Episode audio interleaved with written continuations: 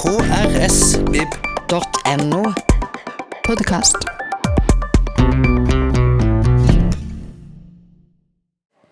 Hei, alle sammen, og fortsatt eh, og til nye. Hjertelig velkommen til Bjørnebodan dag to. Veldig hyggelig å se dere alle sammen. Nå står det på programmet Bjørneboe-foredraget. Vi har ikke glippa på stoler her.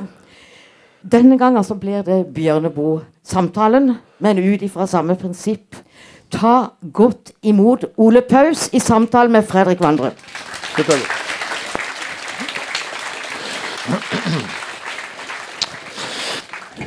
Ja, øh, Foredragsformen er kanskje ikke helt din, din greie? Nei, det er ikke det. Altså, det, det, det jeg, jeg, kan gjerne forsøke, men det, det blir helt hjelpeløst. Det, er, det er en egen arena for folk som kan gjøre det. Jeg, jeg, ja. og Schjøtz kan det. vet du. Cato Schjøtz kan det. Ja, ja, ja. Ja, men han, han, dette er forskjellen En ting er hvis du kommer fra en biseklubb, en annen ting hvis du kommer fra en rettssal. Det, det er liksom to forskjellige arenaer. Det der, altså. Men jeg tenkte på det, snakket om uten en tråd nå. For at jeg, jeg var hjemme hos Jens Bjørneboe. Um, ja, det var etter, etter at saken hadde gått sin gang en stund. Og så ble det mye skrevet også i avisen. Det nevnte ikke dere. Altså, han ble beskyldt for å gjøre det av kommersielle hensyn. At alle som skriver pornografi, driver av økonomiske hensyn. altså I motsetning til f.eks. finansanalytikere og sånn. Så, så, så, så, så, um, men men, men da, da fikk jeg se Da kom Jens bort til meg med en sånn stor konvolutt, veldig ærbar konvolutt med, ja, med så mye stempler på, sånn fra Japan. Og der sto det et brev omtrent Nå husker jeg etter hukommelsen, da, så sto det uh, Herr Bjørnboe, Jens Bjørnboe, Norge. Vi nærmer oss knelende mot deres geniale skulptur av en støtte av et menneske som står foran oss og lyser som en sol i nedgangen her i det østlige Asia. Vi vet at ingenting vi kan gjøre, rettferdiggjør at vi på noen som helst måte henvender oss til dem. Men allikevel vil vi i all største ydmykhet og i all den aller, aller Mens vi kneler og mens vi legger hodet ned mot bakken i bønn for deres fortsatte velferd, overrekke dem samlet honorar for uten en tråd på i alt kroner 087. Så det, er, det, er, det, er, altså, det er ikke så farlig med pengene, bare du møter litt alminnelig veloppdragenhet, så hjelper det. Ja. Ikke sant? Ja, ja, ja, ja. nei, han, han eh, var jo Ikke sant? Han, eh, han, eh, han snakket jo om det uh, i, i, i retten at uh, Ja, nei, det var merkelig hva, hva som får en rørlegger til å bli rørlegger, og en, en slakter til å bli slakter, og hva som får en mann til å bruke hele sitt voksne liv som offentlig anklager. Ja. Her er vi inne på avgrunner i menneskesinnet. Ja, ja, det, ja, det, er- ja det, er, det er jo helt riktig. Det er, altså, det er jo det hvis, for sånn som Dornfeldt Han hadde jo en positiv glede av å dømme. Sånn, som fremsto i hvert fall. Ja, ja. Og En ting var Jens Bjørnboe, en annen ting var sånn som Torgersen. altså Hvor han kan stå og skrike ut av en rettssal at denne mannen må aldri mer slippes løs på menneskeheten. altså Du kan ikke si sånt for spøk Nei, engang. nei, nei, nei. Dorenfeldt var ganske nikjær. Det går en historie om Dorenfeldt eh, en gang han tapte en sak. Altså, det var en, en mann som var blitt anklaget for eh, øksemord, som da ble frikjent. Så han, eh, han, dommeren sa de, de er frie og kan gå. Så gikk han ut av rettssalen. Men da bykset Dorenfeldt bort til bordet med bevismateriale og holdt opp øksen og sa Unnskyld, de glemte øksen deres! Nei, men det, er- det, er, det, det er så rart, for jeg ser på sånn Det er rart at det er 50 år siden Uten en tråd-saken gikk. Og det er også veldig rart å se hvor mye bråk som ble omkring den. For at det, det, er en, det, er en veldig, det er en veldig uskyldig bok. da. Ja. Men, eh, men det, det var et, det var, altså, denne boken her ble et tidsskille. Det det er Norge før og etter Uten en tråd. Og jeg tror at uh, Jens Bjørnboe var veldig glad for å være den som satte opp dette tids- tidsskillet. Men uh, han selv var, var i, i, Jens Bjørnboe selv var et umåtelig sivilisert og dannet menneske. Og han og hans fetter André Bjerke de hadde jo sine orientering mot Tyskland, ikke, ikke, ikke vestover mot England. De snakket jo flytende tysk og til dels fransk og veldig mye italiensk, men de kunne ikke et ord engelsk. Og så når de snakket engelsk, så var det som å høre en parodi på Ari Behn. Altså det, det, var, det, var det ble sånn, sånn snøflete Oxford-aktig som, som ikke forsto men, men, men de kunne norsk.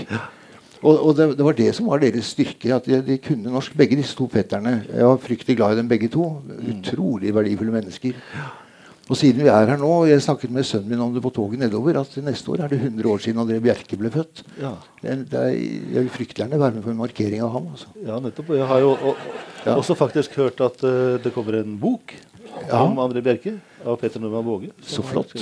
Så eh, Bjerke han Og de var jo fettere. Ja. Eh, traff du dem sammen? Ja, Ja. mange ganger. Ja, hvordan, var, han, Bjørneboe har skrevet morsomt og 'Min fetter André'. ja. En, en morsom epistel. Men de var veldig forskjellige. De var veldig forskjellige, men de var veldig tørste begge to. Og, og, og, og, vi kunne møtes over et glass. da. Og, du sier da, Jo, eh, altså Man skal ikke spøke med det, for det var et problem. Det var, det var jo det. Eh, altså, Jeg kjente jo Jens Bjørnboe i de siste fire årene først og fremst av hans liv. Ja. Og, og da, var han en, var han en syk mann. Og det livet han hadde levd, det hadde merket ham. Men, eh, men han eh, ja, De siste årene var, var virkelig lite, og, og det, det, var veldig, det var en veldig sørgelig sorti. Mm. Han eh, Til slutt så, så ble det vel nesten slik han kan, ikke var nesten. Det ble, det ble Det var som han søkte en, en, en, den mest mulig ulykkelige avslutningen på livet sitt. Mm. Og det var veldig rart å se i begravelsen hans. Og jeg vet ikke om, om Cato var der. Jeg tror det var der, var det ikke det? Jo, det er det. Derfor at det var så veldig rart å, å se på slutten der, når selve begravelsen var over, hvordan, hvordan da de forskjellige interessegruppene kom rundt, kirken, eh, rundt kisten for, for å ta hevd på ham. Mm. Og det var, og det var blant annet var det mange folk fra Steiner-miljøet som jeg vet eh, Jens gjerne har truffet fire år tidligere, men da passet han ikke inn i, inn i systemet så godt, tror jeg. Og det samme at, også, at det kom som han var prisgitt alle som ville ha ham. Ja. Og det syns jeg også er litt av tilfellet med Jens Bjørnboe nå i dag. At Jens Bjørnboe per i dag er prisgitt alle som ville ha ham. Og hans egne ord blir på en måte, de drukner i alt som kommer fra Vinla, eh, Vinland. Hva heter han, han, som skrev Gunnar Vinland? Ja, riktig. Alle kan skrive bøker om ham, alle kan ha ham til beste, alle kan ta ham til inntekt for seg. Men det man glemmer, er at Jens Bjørnboe var, var et ensomt menneske, og han skrev det som samvittigheten påla ham å skrive. Mm. Og hvis det er noe han lærte meg, da så, så ikke du har sagt helt feil eh, så, så, det han hele tiden ikke, ikke hele tiden, han flere ganger da, repeterte for meg, det var det ordene fra Helge Krogh at hvis du er i tvil om hva du skal gjøre, så gjør det som skader deg selv mest. Ja. For da, ja. Og, og, det har du levd etter? Jeg har prøvd etter evne. Men, men, men, jeg har vært mye feigere enn Jens Bjørneboe, og det er jeg også på mange måter veldig glad for.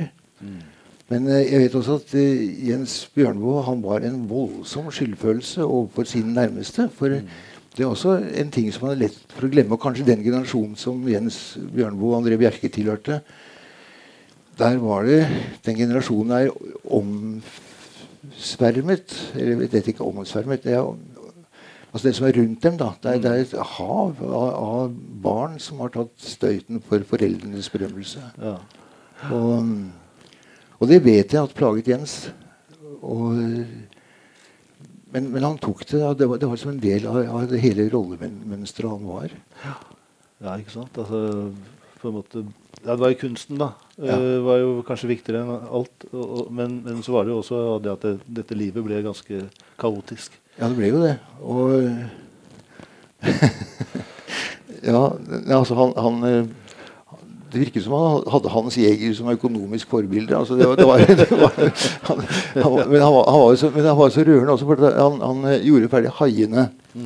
Og det er en ganske avslørende bok, for når du leser den, så kan du se at til å begynne med i boken, som da ble nominert til Nordisk eh, råds litteraturpris for altså Begynnelsen er veldig god, og langt inne i boken så er, det veldig, er boken veldig veldig god. Men så merker du at han på slutten at han orker ikke mer. Altså han, eh, Kreftene tok slutt, rett og slett. For det, for det å skrive en roman det er også en kraftanstrengelse. Men han ventet da på forskuddet fra den norske bokklubben. Han hadde ikke fått noen beskjed fra dem at de hadde tatt boken, men han regnet med det som en selvfølge. Så han gikk da i gang, og da var han syk, så han la seg på en nådeløs diett som besto av maltwhisky og russisk kaviar. Jeg rørte ikke annet enn maltwhisky og russisk kaviar i påvente at bokklubben skulle ta boken. Altså, det, det, er en ganske tøff måte å planlegge økonomi på. Så det, og, så, og så var han hele tiden nede hos Meren og bestilte uh, kasjmirfrakker og, og, og tweeddresser. Og han var på mange måter I det ytre var han en veldig sognert herre. Jeg overtok eh, de, mange av de regningene da han døde. Fordi at, for, for, da hadde jeg gitt ut en plate med ham. Ja. Og da, da, bodde Jens hjemme hos Henny Moan og meg. Og, så da kom da regningsadressen. Så da tok jeg alle dere jeg har, jeg vet ikke, Et eller annet sted så har jeg alle kvitter, kvittering på alle dere tweedressene til Jens Bjørneboe. Det, det, det, er et kjært minne. Ja. ja. Han, hadde, han, hadde, han bestilte frakker med spesiallommer. Uh, ja, da vi skulle, da vi skulle ha TV-programmet? Ja.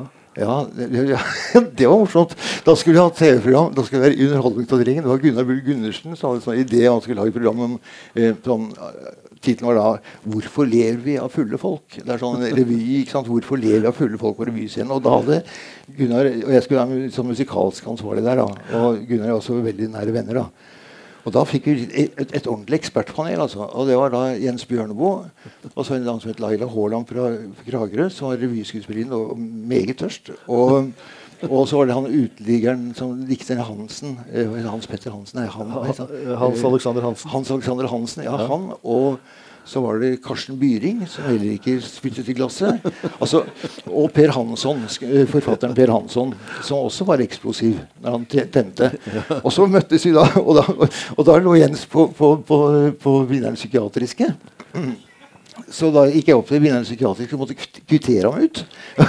så da, så hadde jeg ansvar for Jens Bjørneboe til klokken åtte om kvelden. Da. Og, og så, du, så, kom vi da i studio i, i fjernsynet, og, og, det første som skjedde altså Det var det Gunnar hadde sagt ja, nå skal vi diskutere noe som alle er opptatt av. Hvorfor ler vi av fulle folk? Og i samme eksploderte alle. Og, og Jens hadde da, på, det var derfor jeg tenkte på det der med frakken hans. For Han hadde sydd, han var flink til å sy.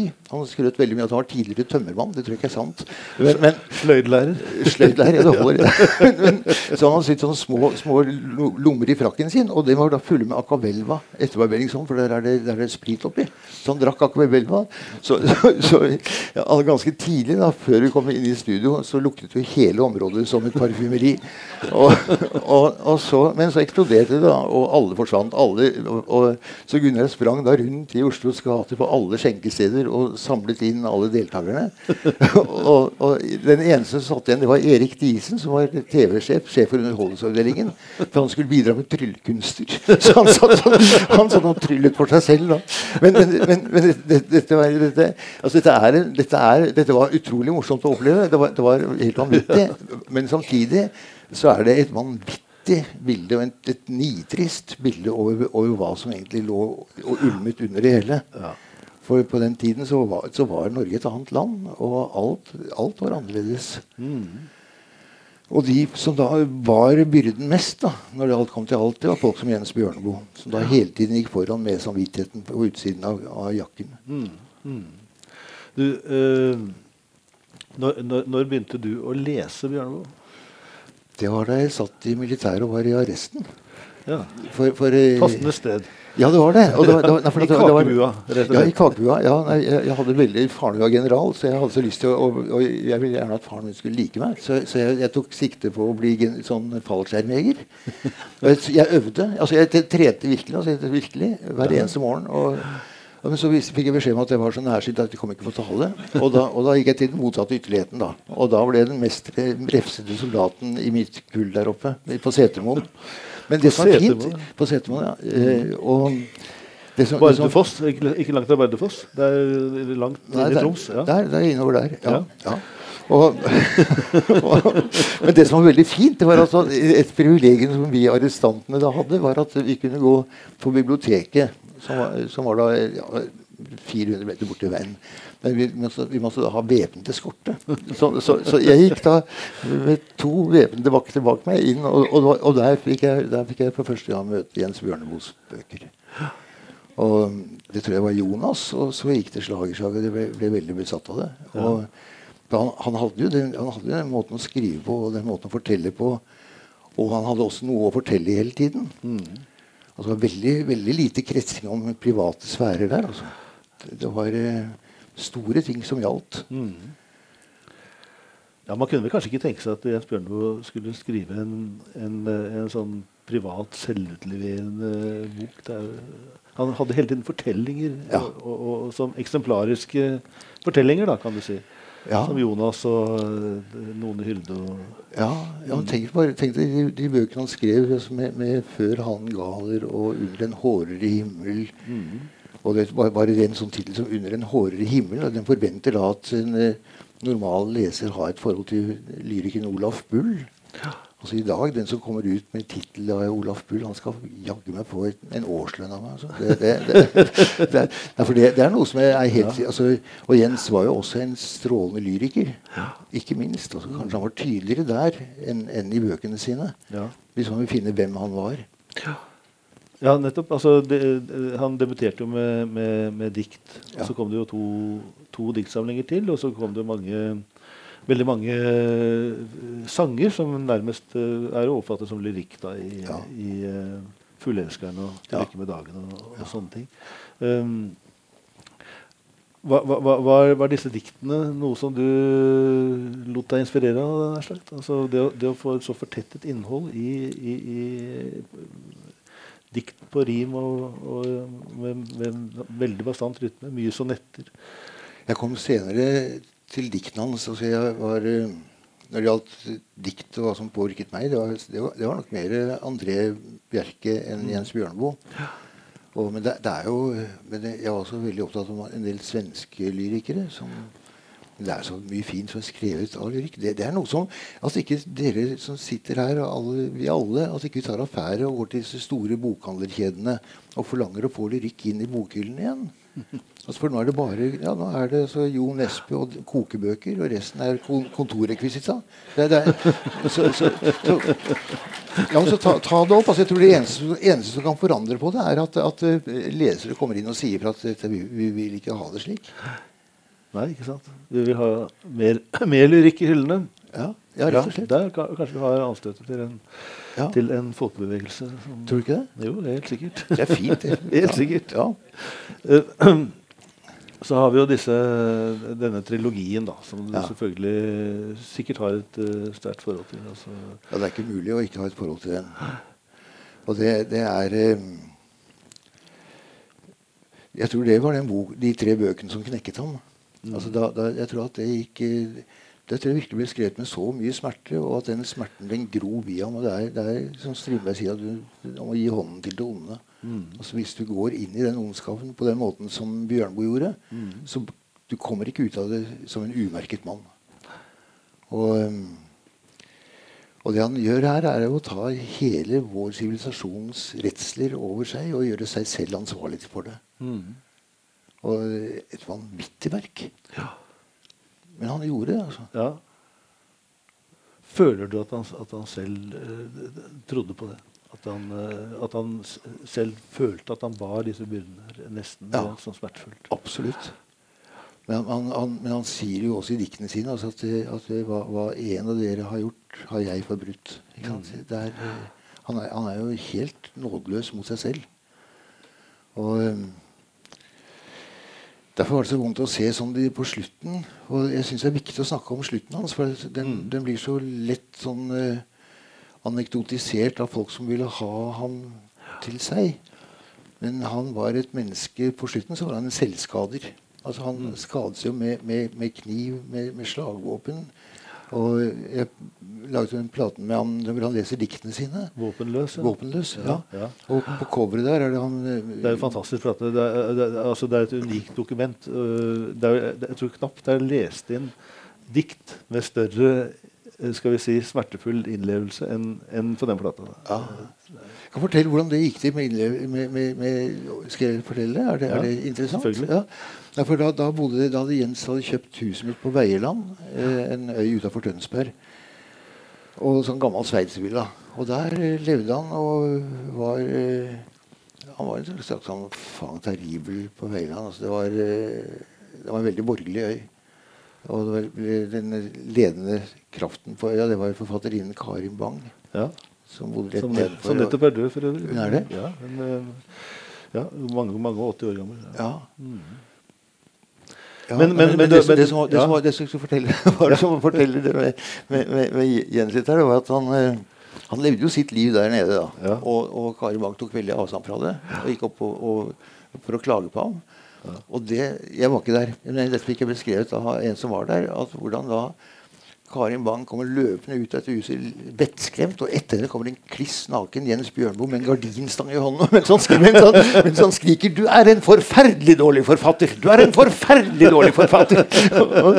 så så han, var, han, var jo, han jo nådeløs, da. Men eh, hvorfor nevnte jeg det? Jo, vi snakket om platen hans. Um, men det, det, det, var, det var Henny Moans idé egentlig, som jeg var veldig enig i. da, At eh, det gjaldt å få Jens tilbake fra den han var før bestialitetens historie. Og det var da poesien. Og da, Han skulle da spille inn en plate hvor han leste diktene sine. Og så da jobbet jeg mye sammen med en svensk gruppe utrolig fine musikere. Med, med Georg Riedel og, og Rune Gustafsson og Bengt Hallberg. Bengt Hallberg, ja, Arne Domnerus Det var, det var, Det de var folkene. hele kremen av uh, Det var det, ja. svensk jazz. Ja. Ja, og så sendte jeg, platen, så sendte jeg diktsamlingen, den samlede diktsamlingen med 'Aske, vind og jord' til dem. Og de tente jo veldig på dette her. da. Men problemet igjen var at han ville ikke da ha med musikere men hvis, hvis ikke det var Mozart. Altså han, han eneste han var interessert i å snakke med av musikere, det var Mozart. Ellers kunne det være det samme. Og, og, så, og så ble det slik at da var dette, disse svenskene var i Norge og skulle ha konsert. Og så, så hadde de lest veldig grundig på diktene, så de hadde funnet stykker de spiller rundt de diktene som jeg var plukket ut. da. Så gjorde de det. Og så kom da Jens, og som da bodde på Veiland. Og da var han i sin tyngste fase. Det var rett før han døde. Og da hadde han med seg i studio en sånn eh, niste som besto av en termos. som var 50-50 whisky og sånn kykelepir, sånn, sånn, sånn, eh, sånn bitter angustura. Og, og det, det er en barsk drikk, altså. Det, det, og- Høres sånn ut. ja, så han hadde med seg en eller to termoser med det. da. Og så kom han inn i studio, og så kjørte han hjem fra, inn i studio fra Veiland. mens Studio var i Oslo. Og så bodde han på hotell eh, Ambassadør, heter det. Oppe i- bak slottet der. Ja. Camilla Kollesvei eller Ja, noe sånt. Og egentlig burde jeg tatt ham med hjem, men, men det var ingen som orket å ha ham hjemme hos seg. Og um, så kjørte jeg, han- jeg kjørte han da om morgenen, første morgenen da, fra Beiland og ned dit. Og så leste han, og det leste utrolig fint. Altså. Og det leste veldig fint til hver klokken var sånn rundt tolv. Og da, da ble det færre og færre konsonanter. Og, og, så, og, så, og så kunne det være avlyst. Og så neste dag så hentet han på hotellet, og så gjorde det samme. Men alt i alt så gikk det veldig veldig fint. da. Og så, eh, så kjørte han tilbake til Veiland. Og tilbake i studio så, så begynte vi å, å mikse dette her. Han lydteknikeren eh, for noe? Bjørn Ja, jeg kom på det. Det var i Bendiksen studio. Um, og alt gikk veldig fint. Og så uh, utpå natten Vi drev flere døgn på dette her. For eh, vi måtte jo, det var enkelte dikt hvor vi var nødt til å vi måtte finne, vi måtte klippe inn enkelte konsonanter. Fra, fra, vi det var veldig rart. Har, har, har dere, han, han skal si 'fred et sted'. Har dere sett hvordan han kan høre den r-en? Har dere, og så gå, spille igjen, og så Der var en r! Et, og så, og så klippe den, og så limte vi Sånn vi sammen. da. Og, og, men så var det en natt eh, en snau uke etter at Jens hadde dratt hjem. Da var vi ferdig med alt sammen. Og, og da var det ett dikt som heter 'Skima bue'. Som er et korsfestelsesskildring. Og jeg husker ikke helt, men sånn som jeg husker det, da, så kom vi frem til ett vers som var Uendelig forløst og fullbrakt hang han som frukten på et tidlig modnet tre. Jeg tror omtrent sånn var det det gikk. Og så kom dette, den, disse to linjene kom da om igjen og om igjen og om igjen. Og, og Bjørn, ja, lydteknikeren, han stusset veldig. for jeg lurte på om det kunne være en båndsløyfe eller noe annet. Så han sjekket tilbake. Det var ikke noe å se. Og spilte en, en gang til. Da, da var klokken sånn tre-fire om morgenen.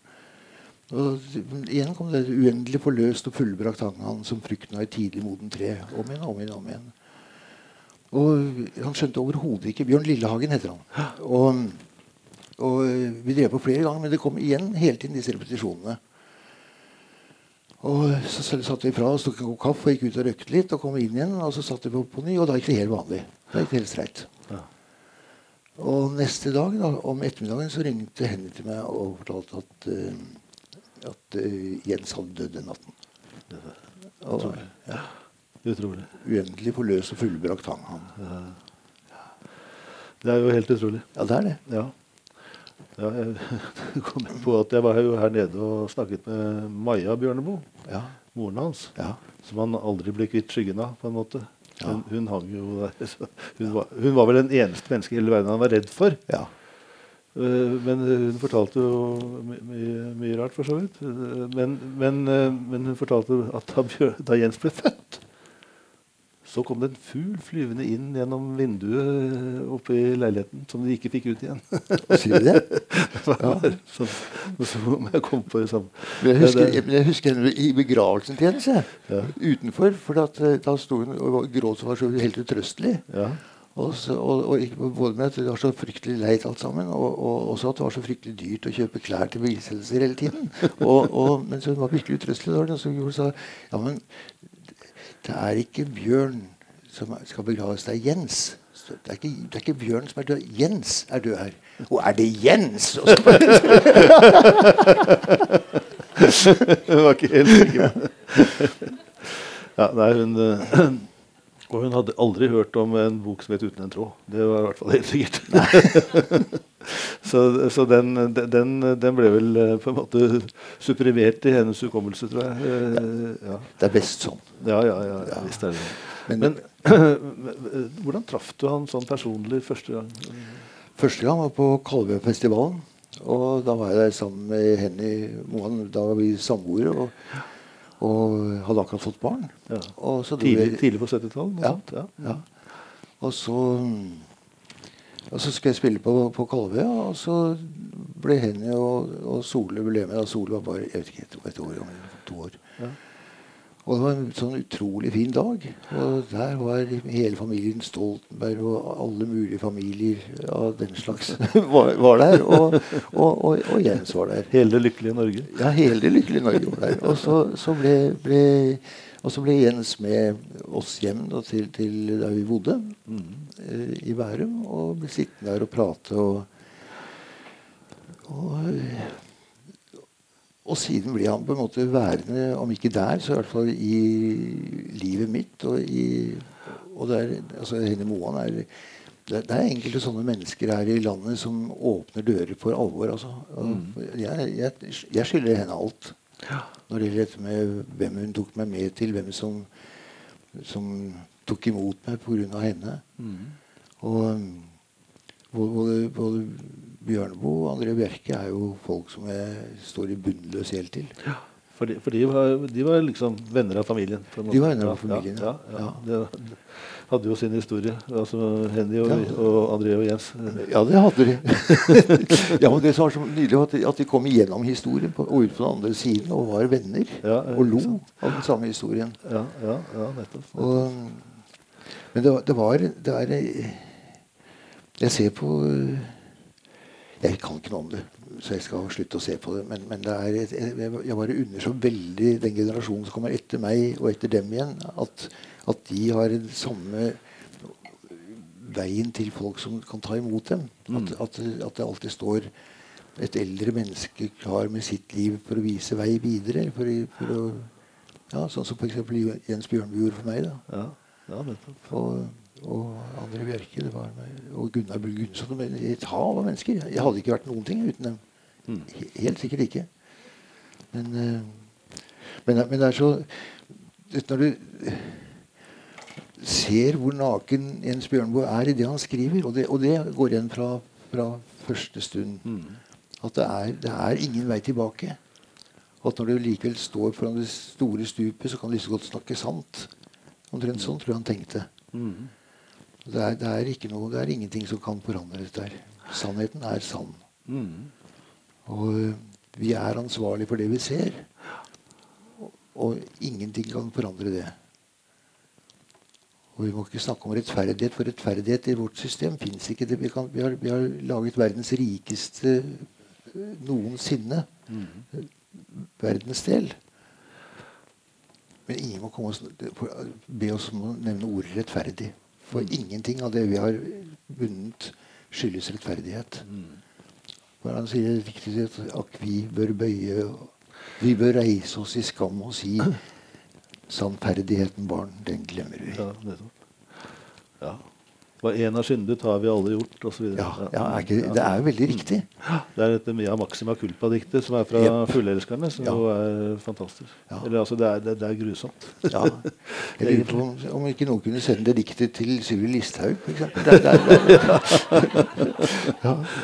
men, men, det er, altså, han, men han var så, han var så, nær, han var så nær sin egen undergang hele tiden. Også, For at da han drev på, på Klubbsjø og, og øvde på et stykke som het De øvde på et stykke som het Dongeri. det var dongeri, ja. Ja. Og det var ikke jeg som opplevde det, men det var en kamerat av meg da, som hadde vært på kasino. Som en sånn, det var en kneipe ved siden av. omtrent, ja, I bunnen- underetasje. Gamle norske en- teater. Enarmet utkaster. Jepp. Med, med fartstid fra, hjemme, fra, fra østfronten. Ja, ikke sant? Jepp. Tenk deg å ha en utkaster som mistet armen i østfronten. Det, det, det, det står respekt av det. Altså. Midtskogen. Ja, det er Hva du husker. Ja. ja. Men, men, men han har vært der og truffet av en, eh, en som til seg. Han visste, at han hadde jobbet med et stykke på Klubbersju sammen med Jens. Og så har han sagt til ham at jeg, jeg, jeg, jeg er tremenning av Jens Bjørnboe. Så hvis du ser ham, kan du bare hilse ham fra ham og si at jeg tenker mye på ham. Jeg har ikke sett ham på en stund, men jeg tenker mye på ham. Jo, skal jeg sa kameraten min. Og så gikk han opp på Klubbesjø. Han var med i forestillingen. også. og, da, og da var Jens i salen og hørte på. Og så gikk han kameraten bort til ham og så sa han, Jens, så skal jeg høre jeg har en hilsen til deg. Å, sa Jens fra hvem da? Ja, det er vel en slektning av deg, sier han. han. Han har ikke sett deg på lenge, men han tenker mye på deg. Så. Å, har du snakket med Gud?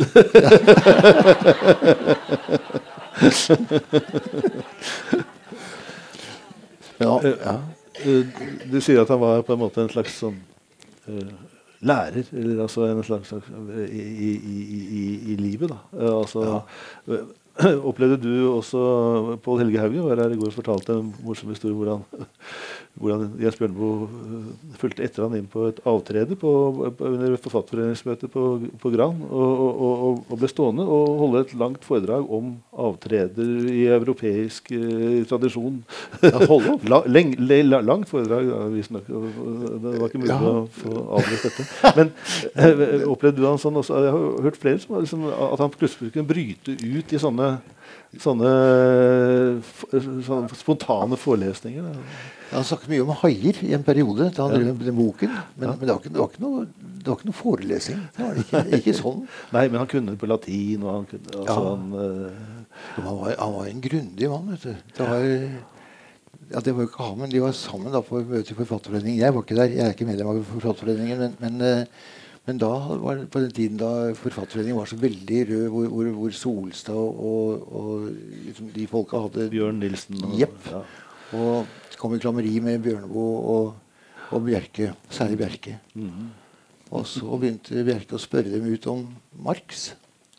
Siden de hele tiden refererte til ham. Og stilte dem nådeløse spørsmål. Ja. Og til slutt så kunne de ikke svare, da. Og så viser det at eh, av alle fremmøtte her, så var jo André Bjerke den eneste som hadde lest Karl Marx. lest hele, hele Mein Kampf på tysk. Ja, ja, ja. Um, du nevnte dette med Tyskland og Bjerke og Bjørnboe. De, de hadde et veldig sterkt forhold til, til tysk kultur og, og til tyske dikt. Bjerke oversatte jo masse Goethe og, og så videre. Uh, føler du at det, at det lå en sånn slags sånn, uh, veldig sånn uh, desillusjon i det at Tyskland hadde blitt det de ble eh, Ja. under krigen, som nesten ble, ble traumatisk uh, for, for en sånn mann som Bjørnboe. Ja, ja det føler jeg absolutt. Og det, det, det ble jo Det var jo mm, Det kom jo også frem i, i, i den bestialitetens historie. Altså hvordan hele tiden altså med de små bjørnene, Ja. som man kaller dem. Uh, At de er ikke slemme, de er bare så sultne. Ikke men eh, det, var, det var et nederlag for hele hans kultursyn. Det var det. Ja. For han drømte kanskje om et eh, sånn Europa, da. Ja. Som, som, som han likevel følte veldig skyld på vegne av. Ja. Ja, Han følte at det var vårt ansvar. Altså på samme måte, jeg, skulle gjerne hørt hva Jens hadde sagt når vi snakker om båtflyktningene og flyktningstrømmen til Europa i dag. Jeg tror han er litt så rasende å høre på den, den, den måten å argumentere mot flyktningene på. Ja. Ja. Det, det, det, og det, og det med full rett, altså. Vi har, vi har ingen rett til å snakke sånn. Etter at han hadde vært ferdig med den trilogien, så, så, så figurerte han jo i pressen liksom, sånn, nesten som en sandsiger. husker jeg, så- og- og- Hvor jeg altså så hvordan, hvordan den store revolusjonen i, kom til å skje. Flodbølgen av, av, av mennesker fra den tredje verden. Ja. Det var liksom eh, som om han på en måte Ja, han, han kunne ikke ende det i, Han klarte ikke å ende det i noe positivt. Det, det, det, det var eh, en katastrofe liksom, som lå og ventet. Ja. Ja, nå, nå vet vi at nå, nå har vi valg. Altså, vi, kan, vi kan lage en katastrofal eller en lykkelig slutt på det. Men det, er- det er bare ett av to. Enten katastrofe eller lykke. Ja, Nettopp. Men uh, jeg du, tenkte på én ting. Han, er, han er, var jo helt uh, Han var så troskyldig. For da, for da, var, da var ferdig med haiene, og da, da hadde han ikke flere inntekter. Det var, det var ikke mer å hente. Og det, altså det, var, det var to mennesker som kan si at de var Bjørnboes venner på slutten. Ja, kanskje tre med Henny. Eh, Men det, det var eh, han, Hans Jørgen Toming og kona hans Bett. Han var illustratør i bokklubben. Og, og hun var ja, Tolerant. ja, du kjente ham? Ja, så vidt. Ja. Men de to tok imot, tok imot ham da. Og André også, kanskje. sånn. ja, André hadde vel Jo, kanskje. Nei, ikke, ikke på den tiden nei, der. nei, Nei. nei. Men, eh, men de, da, da, da, det ikke var, da det ikke var økonomi til, til eh, whisky og russisk kaviar, så gikk de inn i stedet for da med, med Da pikka noe rødvin og semuligrøt. da. Og, og, men det var omtrent det samme, da. Og, og, og, så da, da var han mye hos dem også. Så, men så ville han så gjerne komme opp igjen, og da hadde han lyst til å skrive en bok en, sånn, som etterfølger til 'Haiene', om hvalen. Ja. Og ta, virkelig ta rotta på norsk hvalfangst. Dette, dette var før Greenpeace og før alt dette kom opp. Altså, han var da en foregangsmann der. Og da var han, alltid forut for sin tid. Ja. ja, og så ville han ta Anders Jahre og hele der rederiet hans. Hele Kosmos skulle meies ned, og de skulle bli latt tilbake. Så æreløse. Og så, men så hadde han ikke penger Nei. til å gå i gang, for det krevdes en del sørt, så han måtte ta, ta litt tid på dette her. og, og og da dro han ned til Anders Jahre og ba om for- forskudd på en bok som skulle drepe Anders Jahre. er, ikke, er, ikke, er, ikke, er ikke det vakkert? Det er vakkert. Ja. Jeg har jo også lest noen av de brevene han skrev til Herman, Herman Meren. Du nevnte disse regningene fra Herman Ja. Meren. ikke sant? Hvor, han, hvor, hvor han var blitt purret og skrev, skrev da tilbake til dem. ikke Største beklager. han, veldig, altså, han hadde jo med seg en dannelse fra skipsrederhjemmet Ja. her i Kristiansand som, eh, som, som holdt livet ut av meg. Der av tweeddresser og, og kamillhårsfrakker og så videre. Ja. Ja, det, ja. Var, det, var aldri noe, det var ikke noe slurvete på det planet der. Nei. Noen gang. Aldri. Eh, kunne du tenkt deg altså Vi sier jo hele tiden vi savner, eh, savner en Bjørneboe i vår tid. Og Ja. Hvem kan erstatte han osv. Men kunne du, tenkt, kunne du tenkt deg han i, i, i, vår tid? Sånn, sånn Jens Bjørneboe som gjest på Skavlan, eller altså Et eller annet. Det tror jeg Nå har jeg jo vært med på TV-program sammen med Jens Bjørnboe en gang før, og det gikk jo riktig gærent, det, da. Men, men, men eh, eh, jeg er ikke sikker. Jeg tror ikke, hadde, jeg tror ikke på den måten han hadde noe her å gjøre. Ikke på den måten. Nei, det, det, tror, jeg, det tror jeg er en Du ser Jens var et barn av tid, han. Altså, han, han trengte tid for å leve. Og hos folk som Skavlan så er han flink mann for all del, men der er det tiden så nøye tilmålt. Og poengene så utstudert, og veien videre så klarlagt. At der tror jeg ikke Jens Bjørnvold hadde hatt noe å gjøre. Nei. Nei, jeg tror ikke det. Det er synd. Det, det, er, det, er, det er synd, men det var på en måte det, du sier han var, han var på en måte et, et barn av den tiden han levde i, og, Ja. den, og, og også det formatet eh, Han kunne lage et avisoppslag hvor hvor han anklaget eh, statsadvokaten og politisjefen og alle for, for drap. ikke sant? Det, det, det ville jo ikke gått i dag. Nei. Det ville ingen brydd seg om. Nei, men han, han var, han var når jeg, at, når jeg sier at jeg savner ham i dag, eller når folk sier at de savner ham i dag, så er det nok ikke bare Det er ikke personen Jens eller vennen Jens Bjørneboe, men, men det er den betingelsesløse samvittigheten. For, for vi har gjort det veldig vanskelig for oss selv å se våre barn i øynene, egentlig.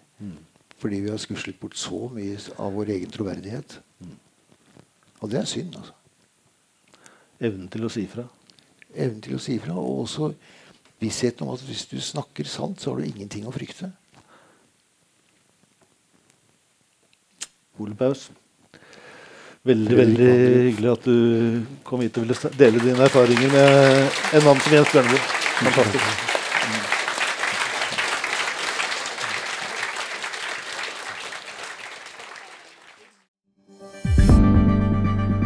Flere podkaster fra oss finner du på Google Podkast, Apple Podkast eller iTunes, eller ved å stikke innom vår hjemmeside på krsbib.no.